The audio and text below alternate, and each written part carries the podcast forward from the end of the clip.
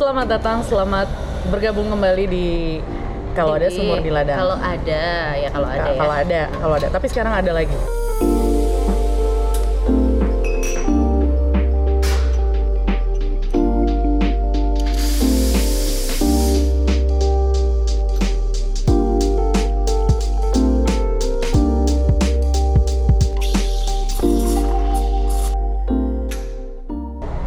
Alhamdulillah sih sekarang ada nih sumurnya. Mm-mm. Kita lagi bareng sama seorang koreografer muda hits banget. Yang luar biasa, Luar binasa. uh, uh, fashionista, apalagi nih, Fashionista dan stylish dan sangat Uh, asik ya. Tapi dia datang dari Uh, Ba Nyumas. Aduh, ada tahu nggak di peta tuh di mana?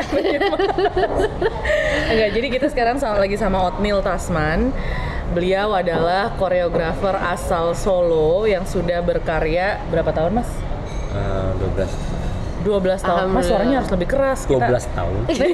12 tahun.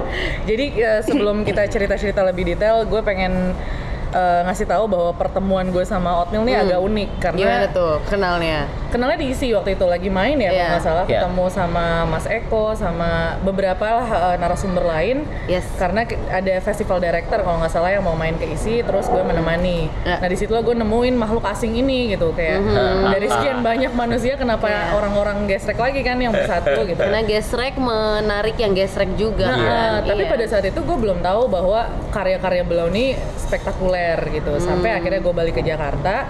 Kalau nggak salah setahun dua tahun selanjutnya barulah terdengar nama Otnil Tasman dengan karya-karyanya yang sangat inspiratif tersebut. Nah karya-karyanya yang inspiratif tadi gue bilang Hmm. karena menarik untuk ukuran millennials dan urban macam beliau ini dia justru berangkatnya dari apa yang kita punya dari rootsnya dari akar eh, nilai-nilai tradisi Indonesia itu sendiri. Mhm. Nah mungkin nanti Otnil sebelum kita masuk ke pertanyaan bisa jelasin uh, sejak kapan sih berada di dunia tari, terus kemudian um, mengangkat tentang apa, lebih banyaknya maksudnya buat kekaryaan gitu. Oke. Oke, terima kasih. Jadi formal? Lanjut aja. Ya, oke nama saya Otnil Tasman, saya lahir di Banyumas. Awalnya itu saya cerita dulu dari kecil ya, Yes, kenapa mengenal tari gitu. Dari Mhm. kecil itu jadi saya kecil itu suka hobi nari, terutama joget dangdut gitu. Dangdut. dangdutan gitu tapi selain itu juga saya juga suka nari kuda lu- kuda kuda kepang gitu Hmm. karena di samping kanan kiri saya itu ada paguyuban atau komunitas kuda kepang yang memang setiap hari suara gamelan dinyanyikan di, dimainkan ada suara sinden dan sebagainya itu membuat saya jadi uh, sudah terbiasa dengan uh, hal yang berbau kesenian di situ terutama kuda kepang dengan lengger gitu Lengger. Terus yang terakhir eh, eh, lengger itu saya lihat di waktu saya umur 6 tahun ya. Jadi lengger ada di desa ada di desa saya terakhir saya lihat itu pada waktu saya umur 6 tahun gitu. Hmm. Setelah itu saya menginjak dewasa, saya sekolah di SMKI.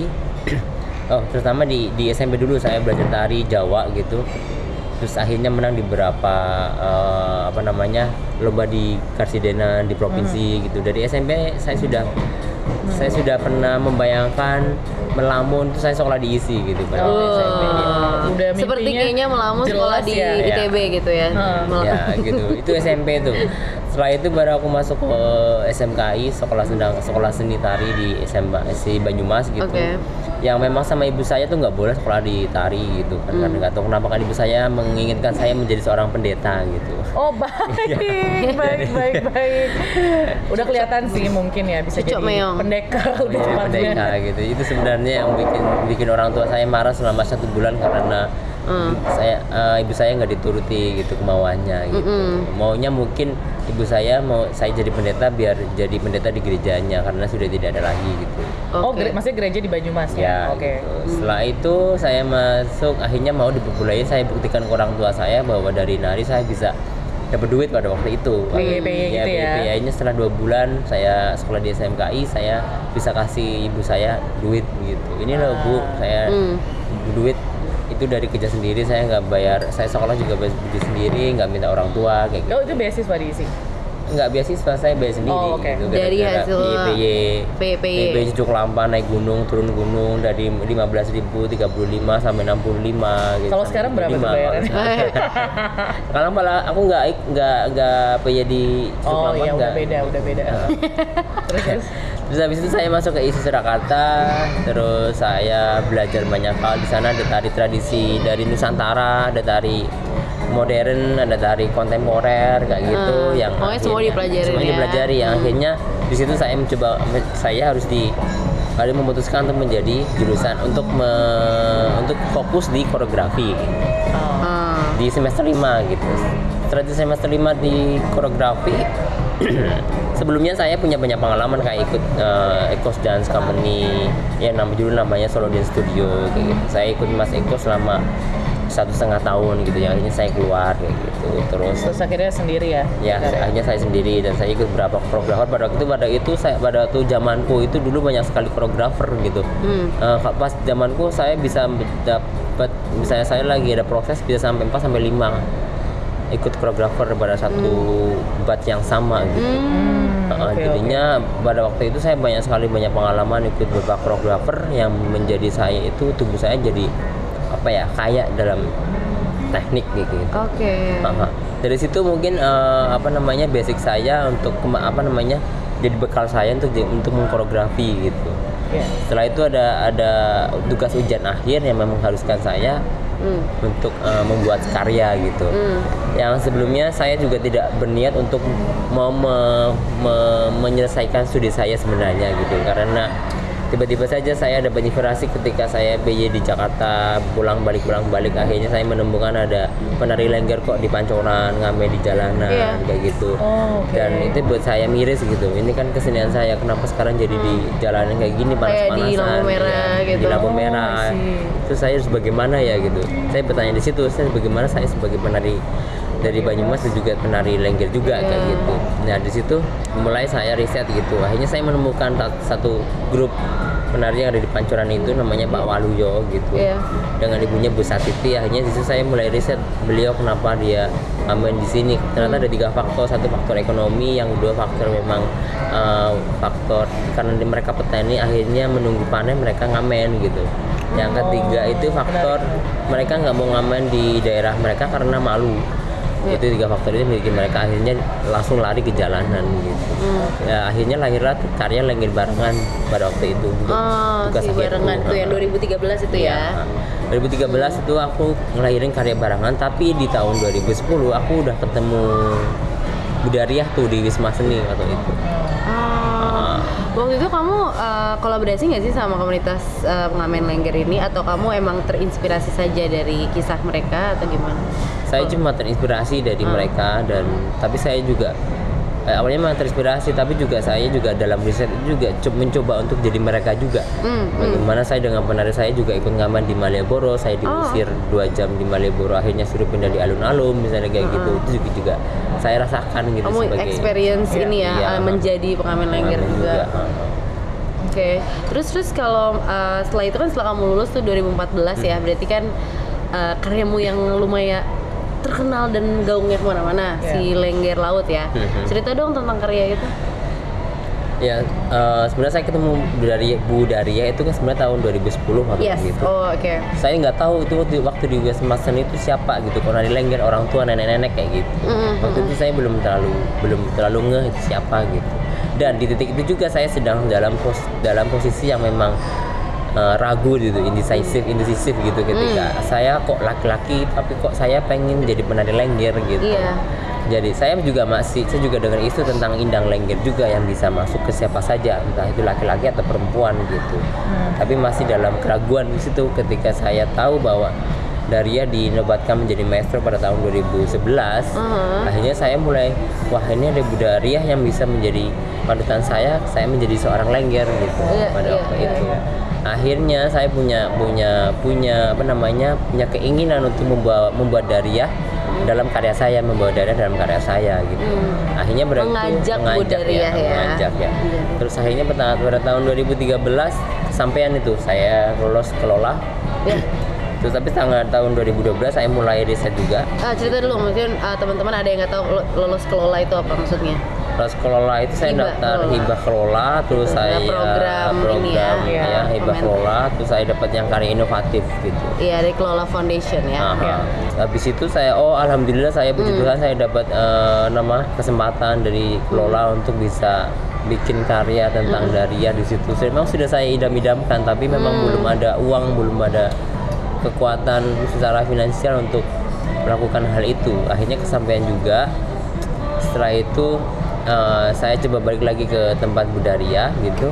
Dulu waktu pertama itu cuma mengunjungi aja, tapi waktu pertama justru para kesan pertama saya sangat luar biasa gitu. Iya gimana tuh? Ketika pertama saya ke, Oh, ketemu Budaria itu jadi saya ke rumahnya nggak ada orang gitu. Oh, Pertama masuk itu masuk wilayahnya Budaria itu sangat eh, apa namanya sangat desa banget jadi harus naik ke atas puncak sendiri yang itu memang di titik terakhir sendiri tuh nggak ada rumah apa pun cuma hanya rumahnya Rumah Budaria uh-huh. rumah beliau yang kanannya tuh kuburan sampingnya lagi tuh sungai gitu. gitu. Itu beliau tinggal sendiri atau kayak ada keluarga atau Eh, ada keluarga ada keluarga itu anak eh, ponakannya gitu mungkin? Oh, Oke. Ya, struktur keluarganya itu agak random tapi mereka me- meyakini sendiri gitu Oke. iya Tapi pada eh, maksudnya bagi masyarakat Banyumas sendiri memang si Budaria itu udah legend. Semua tahu keberadaan beliau. ya Apa? setelah di expose di Media. media gitu Oh baik. Jadi sebelum-sebelumnya tuh kalau nggak pernah diangkat dia sebagai sosok yang Maestro. ahli apa ya maestro itu, jadi orang nggak tahu bahwa ada orang yang mati-matian melestarikan Iya. lengger ini gitu. nggak ada Oke. terus eh, setelah aku ke rumahnya itu beliau nggak ada ternyata beliau lagi nonton kuda lumping di daerah desa lain gitu Oh. Oh, saya itu kayaknya rasanya kayak zong kayak gitu kan Nggak ada WhatsApp ya? Lelah Emang nggak di WhatsApp? ya. enggak enggak ada WhatsApp Dia nggak pernah oh ya benar. Heeh, langsung nyarinya tuh juga luar biasa kan di pelosok-pelosok kalau Merpati ya, kirim Merpati dulu kamu Iya. surat. Hmm. Setelah itu, setelah ketemu udah setelah nunggu lama, hampir setengah jam, mungkin nggak lama-lama banget. Akhirnya Budaria datang gitu kan, Hmm. dijemput sama ponakannya masih muda ya masih masih umur 16 tahunan kayak gitu, yang selalu nganterin Budaria gitu Hmm. Iya. ke mana-mana. Dan aku lihat Budaria dia memakai apa jarit, terus pakai Kebaya. kebaya yang bercorak kembang-kembang warnanya biru sama pink gitu Hmm. terus atasnya pakai penutup kepala Heeh. gitu pakai perhiasan yang Hmm. gelang pakai kalung lengkap semuanya pakai cincin kayak gitu duduknya tuh menyilang gitu nyamping kayak gitu loh Ah. Eh, itu langsung kaget nah ini budar ini Dariah aku bilang kayak gitu Hmm. Lah emang dibayangin mau? Iya, kamu ya gimana? saya lihat ya eh Dariah ya memang kayak layaknya orang yang konotasinya apa ya banci misalnya kayak gitu kan Oh. bencong dan kamu sebagainya kamu terkejut karena dia sangat anggun Ya, dan sangat sangat, anggun, sangat berkarisma. berkarisma Ya, pada itu yang- saat ya Hmm, pertama ketemu itu yang bikin saya terkejut dan memang wah ini energinya luar biasa gitu Iya, apalagi iya. ketika lihat kulitnya yang memang di umurnya beliau yang waktu itu 87 kalau nggak salah gitu Uh-uh. terus dengan kulit kulit kuning langsatnya dia saya Iya. bayangin udah ke mana-mana gitu mudanya kayak apa bisa kayak gitu terus bagaimana dia mengalami perjalanan hidupnya sampai Ah. Iya. sekarang bisa kayak gitu itu Yes. bikin saya tertarik Yes. awal pertama ketemu itu Jadi uh, mulailah kamu proses riset nih ya Iya. untuk uh, Lengger Laut. Iya. Jadi kamu gimana ngobrol berhari-hari sama Sebenarnya lebih penasaran ke yang menarik dari karya-karyamu kalau kita kepoin kan emang Hmm. bagaimana itu terkait dengan tubuh dan pertanyaan tentang feminin dan maskulin itu Iya. kan. Nah, eh, mungkin setelah pertemuan dengan Budaria kali pertama gitu Hmm. yang bisa akhirnya apa ya eh, ngebongkar pertanyaan tentang ketubuhan sendiri itu waktu itu pertanyaannya apa atau caranya seperti apa Iya, gitu? dan apa refleksi yang kamu dapat dari sana mungkin ya? Ya dari pertama kali ketemu dari itu kan sebenarnya saya terkejut dengan suaranya juga perempuan misalnya kayak gitu. Sama sekali nggak teridentifikasi yang laki-laki bagaimana kayak gitu. Akhirnya ketika akhirnya semakin menggebu-gebu ketika aku bertanya kayak gitu. Budaria kamu itu laki-laki apa perempuan sih kayak Oh gitu. nanya gitu Awalnya gamblang banget. banget. Langsung Pertanyaan langsung pertama, iya, Bu. iya. Uh-uh. Terus, terus jawabannya kayak gini, kamu membayar aku berapa? Dia bilang kayak gitu. Kok kamu sampai bertanya seperti itu gitu. Hmm. Itu kan buat saya oh jadi- Itu dia maksudnya uh, offended atau dia lebih lebih dia nggak suka ditanyakan apa itu Oke. gendernya laki-laki atau perempuan gitu. Oke. dia menurut dia itu tidak penting gitu Ya. kayak yang penting bagaimana dia bersosial dengan masyarakat itu yang paling penting bagaimana dia karena dia selalu ngomongin yang penting orang lain bahagia saya pun ikut bahagia di balik Tapi saya. ketika dia gimana ke masyarakat kan masyarakat nggak mudah akhirnya menerima ketubuhan dia yang maksud bukan ketubuhan ya, maksudnya pengakuan dia yang gue cewek bukan cowok bukan atau terserah gitu, gue nggak peduli. Nah masyarakat gimana nerima itu atau Banyumas memang sudah terbuka karena tahu bahwa ada tradisi lengger itu. Lengger lanang. karena ada fungsi dari lengger itu yang menjadikan itu jadi tidak masalah gitu laki-laki atau perempuan yang menjadi seorang lengger di situ karena lengger di situ fungsinya bagi masyarakat setempat adalah hal yang sangat apa namanya sangat wingit ya jadi memang Apa uh, wingit? itu sangat sakral gitu ya karena Jadi bersifat- seperti ada rohnya. Kalau di Cirebon kayak topeng gitu maksudnya. Mungkin, Oh. mungkin kayak Jadi memang itu bisa dilakukan oleh uh, laki-laki atau perempuan tergantung siapa yang mendapatkan semacam Iya, wingitnya indangnya, itu gitu ya. Nah, terus tadi tentang kekaryaan kan udah dari lengger laut tuh berarti perjalanannya. Iya tadi um, kita masih ngomongin uh, proses riset kan. Akhirnya Iya. apa yang kamu dapatkan dan bagaimana itu menginspirasi kamu untuk Yang karya uh, selanjutnya. memulai uh, proses pembuatan koreografi Lengger Laut. Mhm. Yang uh, akhirnya saya terinspirasi dari Daria itu bagaimana beliau tuh uh, perjalanan hidupnya dari kecil. Dari dia itu mendapatkan indang sampai dia itu menjadi seorang lengger dan transisinya beliau menjadi uh, laki-laki dan bertransformasi menjadi perempuan seutuhnya. Baik Iya. secara dia di panggung dan juga secara dia bersosial di masyarakat gitu. Iya, iya. yang akhirnya menjadikan karya Lenggi Laut yang bercerita tentang biografi dari Budaria sebagai penari Lenggi Lanang. Kalau eh, kemudian eksekusinya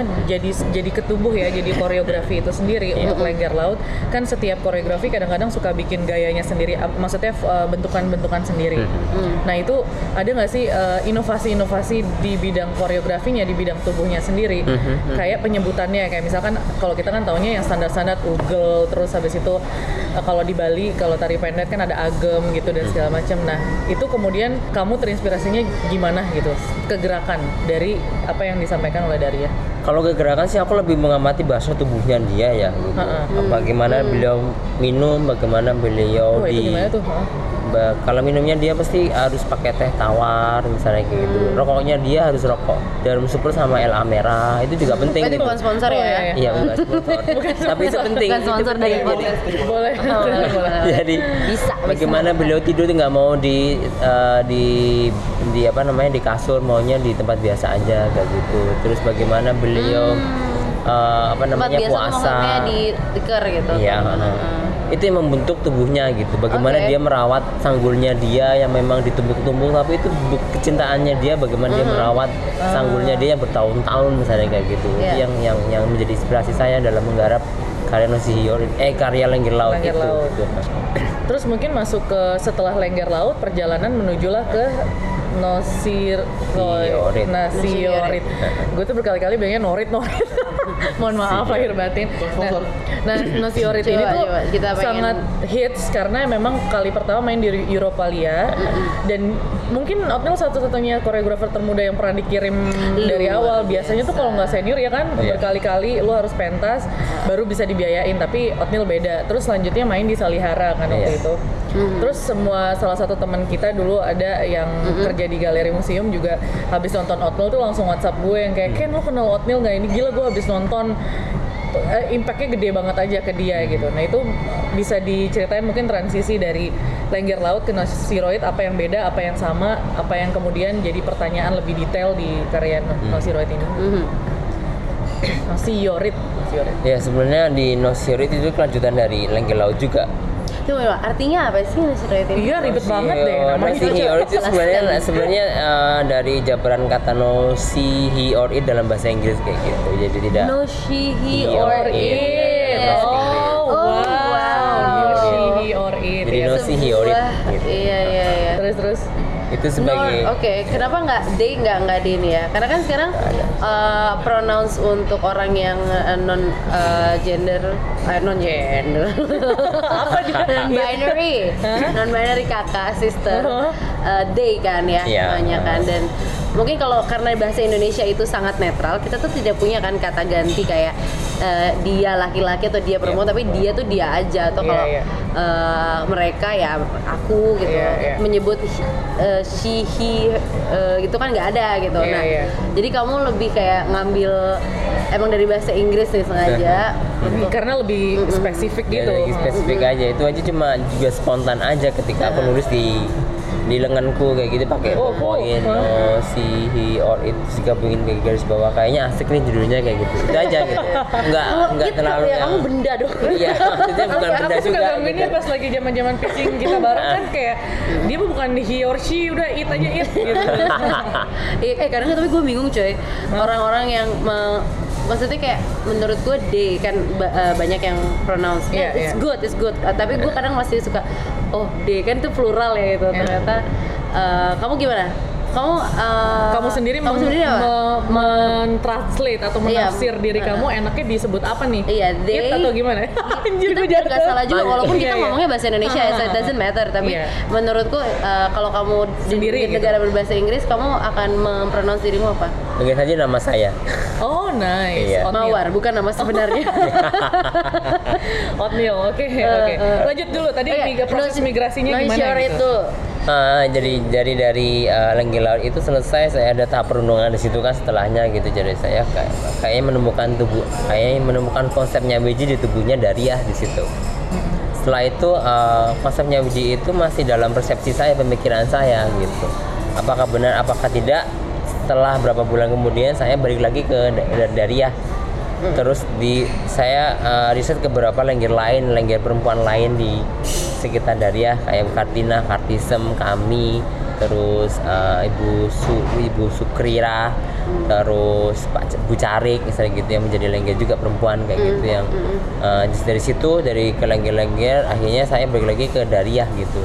Jadi sama nggak? Konsepnya Wiji itu ada nggak pada tubuh-tubuh lengger perempuan yang lainnya gitu? Bagaimana mereka cara mereka bertahan hidup menjadi seorang lengger? Bagaimana spiritualitasnya beliau menjadi seorang lengger? Itu memang berbeda dari pada Dariah gitu. Iya, iya. Dariah memang benar-benar konsep Kompleks hidupnya ya. sangat kompleks tapi sangat sederhana juga gitu. Mm-mm.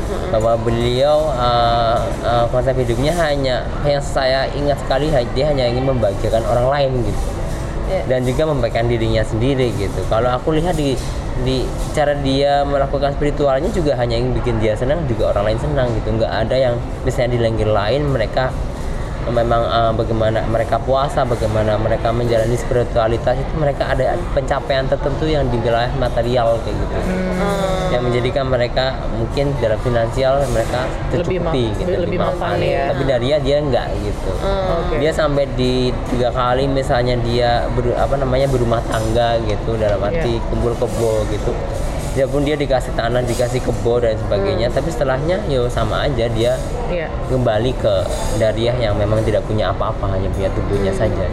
Kalau nggak salah tuh aku sempat dengar dari tarian Noi No No Si or Shiorit It, ini eh, itu ada gabungan tentang gerakan dangdutnya juga bukan? Apa apa Hmm. penga- gerakan lengger kelilingnya itu kamu masukin? Iya nggak sih? Kalau nggak salah ya aku pernah sempat baca. ya mungkin ada Vocabulary sih dari tari itu. ada kalau aku lebih ngambil dari ini sih uh, vokal-vokal pelengger yang ada aja gitu basic Oh. Nah, tapi kamu tadi sempat cerita lebih ini lebih fokus ke Konsepnya mengenai iya coba diceritakan ke para teman-teman pendengar kita Kita juga baru dengar ya, maksudnya gue juga Konsep Jawa Wiji, tapi ny iya. ngawiji itu sesuatu yang baru. jadi nyawiji itu sebenarnya dari Jawa kan pesawat Jawa nyawiji itu nyatu jadi siji gitu oh Siji satu ya? jadi satu jadi siji gitu. Oke. tapi di tubuh Daria ini nyatu di sini adalah dua dimensi yang memang dua kepribadian yang menyatu jadi satu melebur Mm-mm, gitu mm-mm. antara kelaki-lakian dan keperempuanan di situ Mm-mm. yang memang akhirnya melebur jadi satu jadi identitas Dariah Oke. sebagai seorang penari lengger Iya. gitu. itu yang membuat saya tertarik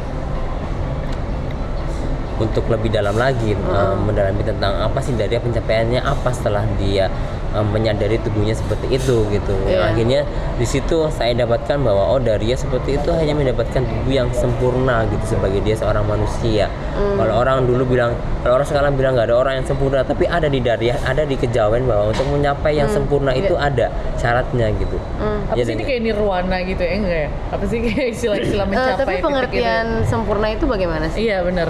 kalau saya pernah pernah uh, cari di berapa uh, apa informasi di sekitar Daria itu memang orang yang sudah berumur 95 lebih dan dia masih sehat bisa bisa membaca dengan beraktivitas, beraktivitas Iya. itu sudah di wilayah sempurna gitu sebagai gitu. seorang manusia gitu. oke Oh, baru tahu baru. jadi sempurna itu mungkin kayaknya Rinonce. Mungkin. Tergantung Tergantung eh, tingkat anxiety dan insecurity iya.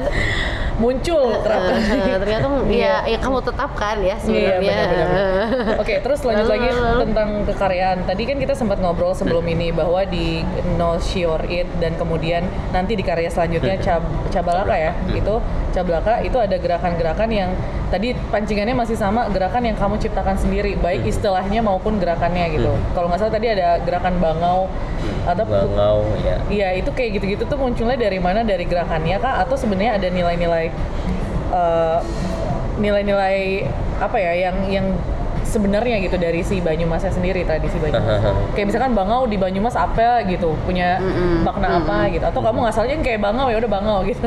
Atau memang kayak Ah. semua eh, gerakan yang kamu eh, ciptakan itu apakah semuanya mengakar dari eh, lengger atau dari eh, kehidupan modern? Apakah kamu juga akhirnya dapat refleksi dari sana sehingga Ya dua-duanya ya, gitu. ada ada percampuran dari sekarang dengan eh, dari apa yang aku dapatkan di Banyumas gitu. Mhm.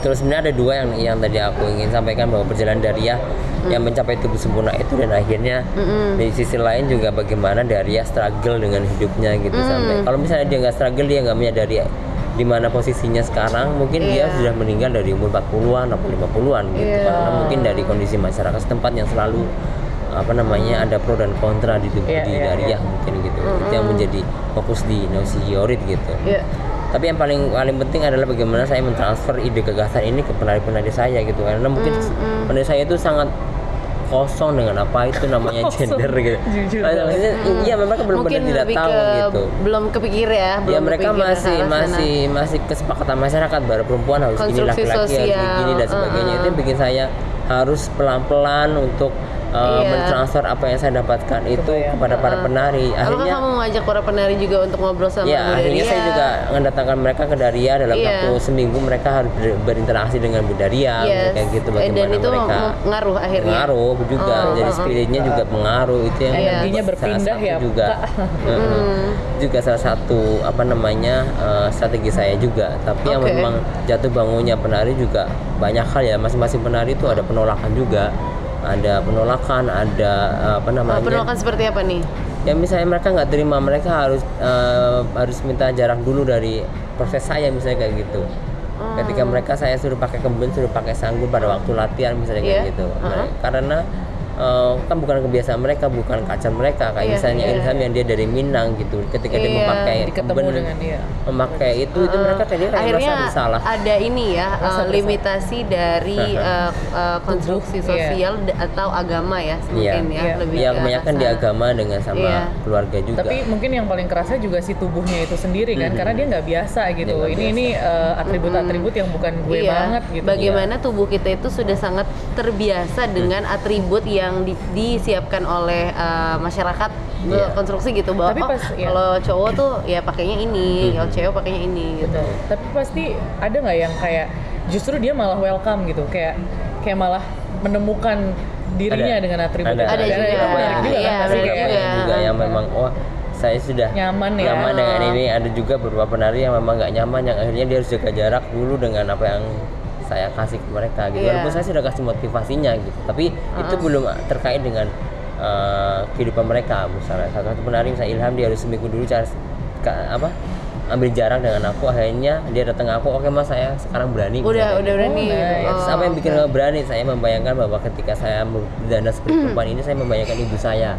Misalnya Oh. ketika dia di Menarik, di sawah, ketika dia sedang me- apa? Ketika saya Ya. disuruh eh, ibu saya ngomong adik saya, misalnya Iya, gitu. Itu yang iya, bikin menarik tuh. eh, kedekatan itu yang bikin dia mau untuk apa namanya melakukan hal itu. Oh, bagaimana ya gimana ya? Dia mengimajinasikan tubuhnya menjadi sosok wanita di sekitarnya gitu Iya, ya. ah. Jadi familiar gitu. sih. Kayak- ah, ah. Terus tadi si gerakan kayak gerakan bangau atau apalah yang kamu sebutin itu, itu gimana kamu ngasih tahu ke penari? Ini gerakan apa? Artinya apa? Atau lebih ke itu hanya nama atau gimana? Misalnya saya kasih ke penari sebenarnya itu biasanya juga dari lengger juga. Misalnya saya kasih eh, sebenarnya nggak nggak nama yang spesifik gitu. Saya kasih nama gerakan geyol gitu. Geyol itu kan biasanya di lengger itu sebagai inti dari gerakan lengger gitu. Dari Ah, ah. geyol itu intinya dari Hmm. eh, alat kelamin gitu.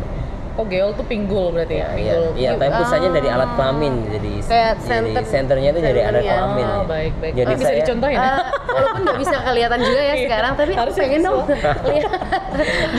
Kalau kelamin aja ya. Oh iya, kenceng Bel. Udah umur kan? dari geol itu uh, saya coba kasih uh, bahwa pemahaman bahwa geol itu adalah center dari pergerakan tarian lengger Nah, dari sebagai uh, ritual kesuburan di situ. Tapi kalau di di saya coba saya juga naik lagi dari perspektif saya terhadap Daria, dia punya dua alat kelamin kalau gitu. Nah, Berarti kalian sebagai laki-laki juga harus coba me- mencoba eksplorasi dua itu. Dari depan punya penis dan belakang dia punya bokong, patat. Apa? butuh apa namanya sih? Apa silit? Eh, ya, Brutu. ya punya butuh gitu. Bukan, Tadi bukan, bukan. lengger, lengger tuh kalau yang gue kemarin nonton filmnya Mas Rianto itu kan, leng itu bolongan, Hmm. ger itu Jengger. jenggernya ayam. Heeh. Jadi bolongan ayam. Bolongan bolongan itu perempuan dikategorikan perempuan, diksinya perempuan. Kalau Kalau jengger? jengger itu laki-laki, dikira perempuan ternyata Iya. laki-laki. Oh, begitu. Oh, oke, seperti ya, maksudnya konsep uh, Linggayoni gitu ya. Uh, dualitas. Oke, terus kita mungkin bisa bahas juga tentang karya yang itu yang paling baru berarti Cablaka, Ca- Cablaka. Caba. Nah, itu Cablaka. apa lagi yang kamu Itu tahun lalu ya, 2018. pertanyakan waktu Itu itu? dipentaskan di mana? Di di Salihara kebetulan itu commission commission artis ya, commission award dari Salihara ulang tahun ke-10. Jadi dia mengutus saya jadi eh, Mengutus? memproduksi gila, karya baru. Nah, itu apa tuh perkembangan pertanyaannya atau Iya, eh, apa bedanya sama Lengger Laut dan North Sea North Sea Orient? Shore. Iya. Ya itu sebenarnya pertanyaan juga dari beberapa orang bertanya lengger itu laki-laki atau perempuan sih kayak gitu. Mm-mm. Ya dari situ akhirnya Masih juga ya ada Iya, yang nanya kayak yang bertanya. hello itu tuh gitu. campur gitu. Hei, gitu Hey. laki-laki perempuan sih gitu kan. Udah kesel loh dia ditanya. Iya. Iya, jadi Tapi kesal itu karena dia kesal. seniman dia menjawab dengan karya dong, Iya. Bob, akhirnya ya. kesal ya akhirnya di situ lengger itu ya genre ketiga gitu dalam hati saya dan saya juga ngomong dari beberapa orang gitu. Iya, karena di Bugis juga mengakuinya lima gender kan. Ya, salah satunya itu jadi referensi. Akhirnya di Cablaka itu saya coba merumuskan apa itu gender ketiga di tubuh lengger. Gitu. Terus saya juga mengadopsi perkembangan lengger bahwa sifat lengger itu tidak kaku gitu, selalu cair mengikuti arus, selalu mengayun mengikuti arus. Sama juga halnya manusia selalu dinamis gitu. Iya. Wow, iya. Ya, tapi tetap transparan juga apa adanya. Kalau Banyumas culture Banyumas itu sangat apa ya istilahnya cablaka gitu. Iya, apa iya, adanya ngomong di dalam juga sama yang namanya diekspresikan di luar Oh, gitu maksudnya kayak kita gitu cablak gitu cablak ya. nah, Heeh, ngomongnya apa nyablak. adanya ya hampir Iya, sama lah gitu budaya Jadi populis. berarti gerakannya juga Lebih- apa nih? Cab Cablak. Bagaimana menginterpretasikan si kecablakan ini dalam ya misalnya gerakan? misalnya aku ngambil dari lengger itu misalnya Hmm. aku ada apa dengan lengger yang sangat radikal gitu Hmm. yang sangat eliber bagaimana orang lengger itu memandang langsung aja ke orangnya kalau mau dia naksir langsung aja di panggung naksir ke orang itu langsung natap ke matanya kayak gitu misalnya gitu Di Kayak situ oke oke ada penetrasi pandangan ke uh, Langsung, penonton iya. langsung Dia nggak gitu pakai ya. nggak pakai sinyal-sinyal Tidak gitu. ada langsung. jarak ya, nggak maksudnya- harus ke bawah kayak gini liatnya Oh, nggak, iya langsung kalau aja gitu Nggak. Lebih kayak Jawa Timur Madura gitu ya enggak ya? Maksudnya ya mirip-mirip ya kan mirip, tetap ya. satu. ya dari situ akhirnya dikembangin juga ke penari eksplorasinya Iya, itu iya. tentang mata itu jadinya mereka menghasilkan sendiri ada gerak menghasilkan pandangan pandangan menghasilkan gerak misalnya kayak gitu Iya, Oh, eksplorasi. iya. Tapi terus gimana tuh audiens merasanya ketika itu kayak kan kadang di- kita ditatap tuh tidak nyaman gitu ya. Iya. Terus interaksinya bagaimana tuh antara penari? justru Dan dari audiens. situ eh, dari mata itu jadi ada interaksi yang selanjutnya gitu ketika Hmm. mereka sudah nyaman dengan pandangan itu mereka selalu scan bolak balik Hmm. gitu. jadi mungkin sampai tiga kali mereka harus scan pandangan ke masing-masing penonton bagaimana balik timbal baliknya energi apa yang Hmm. direspon oleh penonton mereka yang akan tangkap di situlah interaksi secara psikologis di Hmm. dalam panggung itu terjadi gitu Iya iya iya iya. Ke gue jadi kepikiran maksudnya kan kalau misalkan dari pertanyaan berangkatnya dari leng- lengger itu kan pertanyaan tadi seputar cewek cowok terus kemudian Gender eh, ketiga. iya gender ketiga. Tapi eh, kalau dari Otnil sendiri gue jadi tertarik pengen tahu karena Otnil kan anak muda gitu loh. Maksudnya akhirnya mengalami sesuatu yang eh, berkaitan dengan sisi modern sisi kontemporernya. Kayak tadi kita ngobrol bahwa ya udah gue gue anak desa yang punya pawon tapi juga gue peduli iPhone gitu Mhm. itu kan juga pasti ngaruh lagi tuh migrasi ketubuhannya Iya. gitu dari yang desa ke modern terlepas Mhm. dari lengger apa enggak nah Iya. itu gimana sih apa sih yang terjadi sama pencarian tubuh ini gitu yang Mhm. sifatnya lebih ke desa dan kota atau modern dan tradisional itu gitu justru itu menarik buat saya di di, di kalau saya menamakan itu itu tubuh konflik ya gitu tubuh konflik justru ya. tubuh konflik itu menarik buat aku jadi titik tolak saya untuk berkembang untuk bertumbuh lagi gitu Hmm. antara kota dan desa antara iPhone dengan mawon kayak gitu antara berpendidikan dengan yang Ngamen. ngamen kayak gitu jadi itu yang membuat saya malah jadi menarik gitu konflik itu akhirnya mau dibawa Polaritas itu ke mana ya? ya, mau bagaimana mau dibawa ke tum- bertumbuh berkembang atau mau stuck apa mau stuck di konflik itu bisa kayak gitu Hmm. nah, kalau aku memilih tumbuh di situ Hmm. Dari situ aku memilih tumbuh untuk lebih ke- berkembang lagi. Nggak yang memang di melulu hal itu. Misalnya orang sekarang menambahkan bulan saja kalau tubuh konflik itu bisa saja diartikan dengan uh, isu-isu LGBT gitu. Aku milih bertumbuh aja nggak usah di konflik itu terus gitu. Iya, iya. aku milih aja terus aja bertumbuh nggak usah stuck di situ. Mau ngapain kalau memang stuck di situ? Kalau tumbuh kan kita ada dialog gitu di situ. Iya, dialog iya. diri sendiri dan dialog dengan orang lain yang membuat uh, akhirnya uh, ada ada penerimaan ada penyesuaian di situ gitu Hmm. itu yang itu yang menjadi uh, pertanyaan saya dan menjadi misi saya selalu setiap hari dan ingin saya apa namanya Terus bawa ya. terus bawa gitu tubuh hari konflik saya. ini ya. Dialog terus dialog gitu Ini juga Iya, yang iya, akan iya. rencananya nanti eh, lo bawa untuk bisa residensi di Taiwan, Iya. terus kemudian eh, apa rencana-rencana karya di masa depan yang juga masih berkaitan dengan si tubuh konflik tadi itu. Iya, berawal di tubuh konflik yang terus mendialogkan dirinya dengan tubuhnya, dengan tubuh orang lain, dengan komunitas, dengan wilayah yang Negara besar ada, lain. Ya dan mungkin. Gitu. pokoknya ya ya Iya, Sel- iya, memang iya, di iya. setiap unsur itu ya kan ada sisi polaritas ya kayak Iya. jadi kamu tidak akan membatasi Hmm. uh, cuma hanya masalah laki-laki perempuan Ya. atau apa tapi memang kamu akan mengeksplor tema mengenai polaritas ini ke Hmm. depannya lebih berkembang lagi Ya. terus kalau teman-teman uh, belum tahu karyanya Oatmeal itu tuh bisa ditonton di mana sih kalau di YouTube ada nggak sih kayak Iya. website kamu, portofolio atau apa? Aha. Karena kan mungkin banyak nih teman-teman eh, yang dengerin kita sekarang tuh belum Jadi pernah tahu, tahu gitu ah, ah, ya. belum pernah nonton pentas malah kan banyak mungkin atau kayak eh, belum pernah denger ada konsep lengger kayak gitu itu Mhm. bisa akses di mana sih? Bisa ini aja di YouTube di Oatmeal Tasman bisa di subscribe, Mhm. subscribe, sub- sub- sub- Subscribe, ya, subscribe, guys. Subscribe, di Oatmeal Tasman. Terus Oke. eh, itu ada complete version atau kayak cuplikan-cuplikan gitu? ada yang komplit, Oh, ada. ada. yang cuplikan-cuplikan, ada yang teaser, ada yang eh, saurel. Mm-mm. Terus bisa di website juga di oatmealtasman.org. Hmm.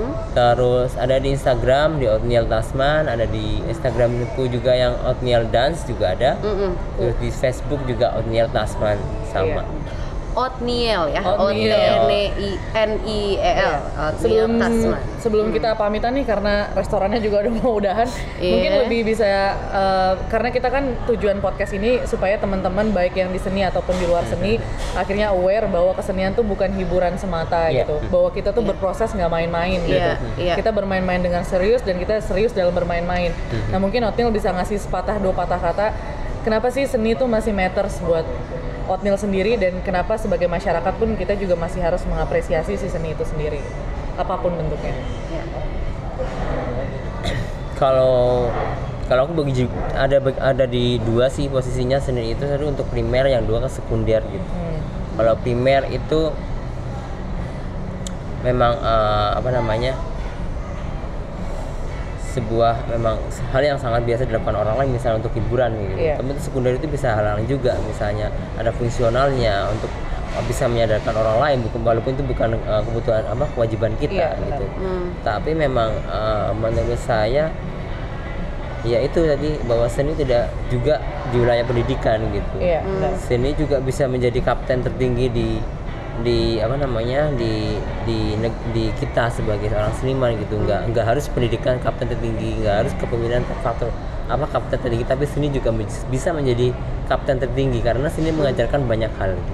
Yes. kita bisa belajar banyak hal gitu bisa Terutama menyadari- bagaimana uh, seperti yang tadi ceritanya Ibu Dari ya, Hmm. bagaimana yang paling penting adalah berbuat baik terhadap orang di sekitar Iya. kayak gitu. Iya. bersikap sangat sederhana Bersikap walaupun sangat hidupnya sangat sederhana. kompleks kayak gitu Iya. Iya, Ini iya, kita baru ngobrol sebentar aja udah banyak banget ya yang Ini kita dapetin sangat, gitu. iya betul sekali. Aduh Iya. terima kasih terima banyak kasih, ya. Terima kasih banyak Kakak. Oatmeal Ha-ha. Tatsman yang sangat Sama-sama. hits. Kita juga oh ya kita juga mau bilang makasih udah diizinkan untuk sedikit mengecilkan radionya buat Q di Pacific Place. Iya dari tadi kita kayak maaf maaf mbak. iya, makanannya enak dan super affordable, tapi sekali lagi terima kasih Otnil. Iya, Otnil di sini buat wawancara sebuah Iya, eh, tujuan yang makanya kita lagi. kejar-kejar dia eh, untuk ini Iya, ya ngobrol semoga karena sukses cuma ya, Otnil. sebentar. Iya, Amin. benar. Dan untuk Uh-uh. selanjutnya teman-teman silahkan akses Otmil di tadi yang udah disebutkan karena beliau akan membuat karya-karya yang lebih eh, lebih dalam dan lebih serius dan lebih mantap tentunya. Yap. Oke, terima kasih. Sampai jumpa lagi kita Bye. main-main di kalau ada. Sumur di ladang. Bye. Bye.